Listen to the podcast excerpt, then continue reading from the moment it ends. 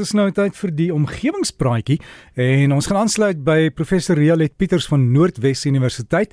Sy gesels oor plante kweek in die donker of sonder lig en of met lig, spesiale ligte. En dis nou as die mense wil Mars toe gaan of moet ver ver gaan reis in die ruimte. Ek dink Rialet, goeiemôre. Ek dink ons moet net vir hulle 'n bietjie biltong saamstuur en beskuit ons mense het mos geweet hoe om te trek met die goed, né? Nee? Môre Derek en luister as ja, dis verseker wat ek sou saamvat, die biltong. NASA beplan om binne die volgende 20 jaar mense na Mars te stuur. Maar een van die grootste uitdagings is wat die ruimtevaders op hulle 3 jaar lange reis moet eet.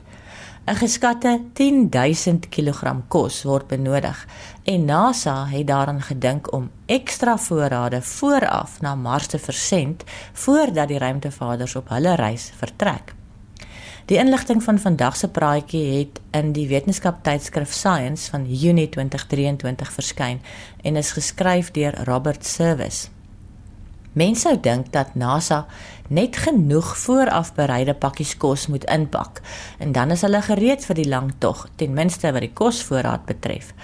Maar mikronutriënte, insluitende vitamiene in die kos, breek af as dit vir so lank gebeere word en is dit nodig dat die ruimtereisigers kos aan boord van hulle ruimtetuig moet kan kweek. En volgens Jennifer Fogarty van die Translational Research Institute for Space Health aan die Baylor College van Medisyne, gaan dit nie net oor die nodige kalorieë wat die mens moet inkry nie. Die smaak, tekstuur en varsheid van dit wat ons eet, beïnvloed die mens se welstand. En is die doel nie net om te oorleef nie, jy moet die kos geniet ook. Sy reken die tegnieke wat ons gebruik op aarde om kos te preserveer is heeltemal ontoereikend vir 'n Mars-sending.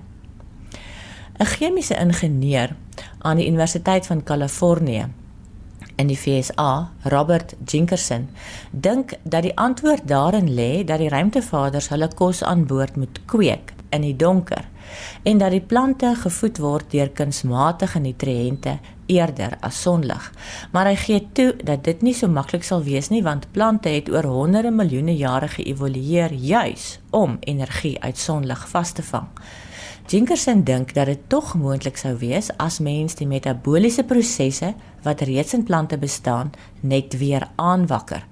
Hy verwys hier na die prosesse wat die saad in die donker laat ontkiem, maar wat afgeskakel word wanneer die eerste blaartjies bo kan die grond verskyn. Hy droom daarvan dat elektrisiteit wat met die hulp van sonpanele opgewek word, water en koolsuurgas wat deur die ruimtevaders uitgeasem word, omgeskakel kan word in energieryke koolwaterstowwe wat geneties gemodifiseerde plante kan gebruik om te groei, selfs in die donker ruimte of op Mars met sy min sonlig. Jinkerson se span het reeds bewys dat plante Dit was tematies blaarslaai en groen russies wat hulle getoets het. In 'n donker omgewing kan oorleef, maar hulle floreer nou nie eintlik in sulke omstandighede nie. Die plan is dus om die plante so ver te kry dat hulle floreer in die donker. As hulle suksesvol is, kan hulle plante ook kweek op plekke op aarde soos onder andere die suidpool waar daar maar baie min lig is en waar landbou tot dusver onmoontlik is. Jinkerson het reeds bewys dat sekere alge in die donker kan groei in vloeibare asetaat. In 2017 ontmoet hy 'n chemiker, Feng Jiao van die Universiteit van Delaware, ook in die VSA, wat 'n elektroliseerder ontwikkel het wat koolsuurgas en water met elektrisiteit bestook en dan vorm asetaat en etieleen daaruit. Asetaat en etieleen is eintlik die boustene van plastiek. Maar Jinkerson wou hê dat meer asetaat vervaardig word as die 30% wat die apparaatjie tot op daardie stadium gemaak het. Jao se studente het die elektroliseerder verder aangepas totdat dit 99% asetaat kon vervaardig. Die produk was suiwer genoeg om die alge, maar ook geselle en pareloestersampioene suksesvol te laat groei. Hulle het bereken dat hulle 8.5 kg sampioene per dag kon kweek in 'n 2 kubieke meter reaktor. Dis glo meer as 'n derde van die kos wat 'n 6-lid bemanning vir hulle diepruimte reis per dag sou benodig. Maar selfs iemand wat lief is vir sampioene, sal waarskynlik nie kans sien om daagliks 1 kg sampioene vir 3 jaar lank te eet nie. Sampioene het natuurlik nie lig nodig om te groei nie want hulle is heterotrowe wat beteken dat hulle op verrottende materiaal leef.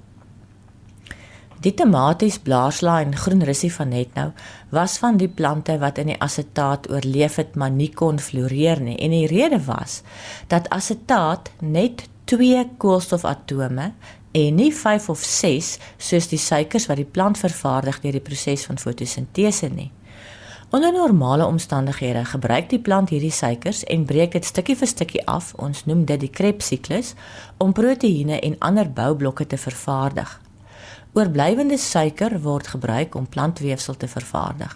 Maar omdat asetaat net 2 koolstofatome het en daar met elke Krebs 2 koolsuurgasmolekules vrygestel word, word die 2 koolstofatome van die asetaat daarvoor gebruik en is daar nie ekstra suiker oor waarmee die plant nuwe blare en wortels kan maak nie.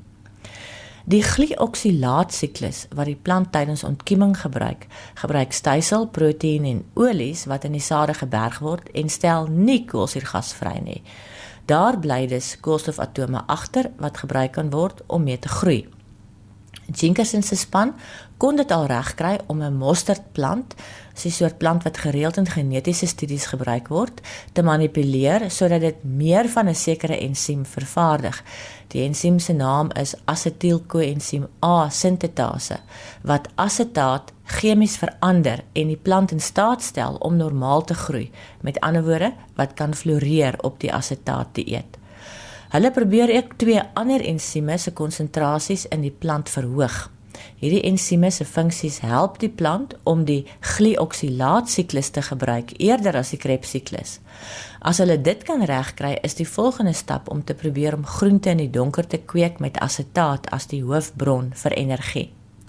Maar Suri by Carnegie Science waarsku dat plante lig nie net vir fotosintetisering gebruik nie, maar ook vir ontkieming om te groei, om te blom en in die rypwording van vrugte. Ek het op 'n omgewingspraatjie se Facebookblad 'n grafiese voorstelling van vandag se praatjie geplaas. Gaan kyk 'n bietjie. Gaan se maak. Dankie Rialet. Sal jy saamgaan as hulle Mars toe gaan? nee. nee, ek dink daar's te min son, heeltemal te min son. Ja, nee, ek stem saam. Kyk, ons hier in Suid-Afrika, ons is heeltemal bederf met al die lig en die son wat ons het, né? Ja, verseker. Ja. En is dit koud by julle vanmôre? Ja, baie koud en bewolk is onplesierige weer. Ai, maar jy moet dit geniet en warm bly, um, Rialet en dit aan ons omgewingspraatjie saam met professor Rialet Pieters van Noordwes Universiteit. As jy wil kontak maak, onthou daar is 'n e-posadres wat ons geskep het en dit gaan direk na hulle toe. Dis omgewing by rsg.co.za.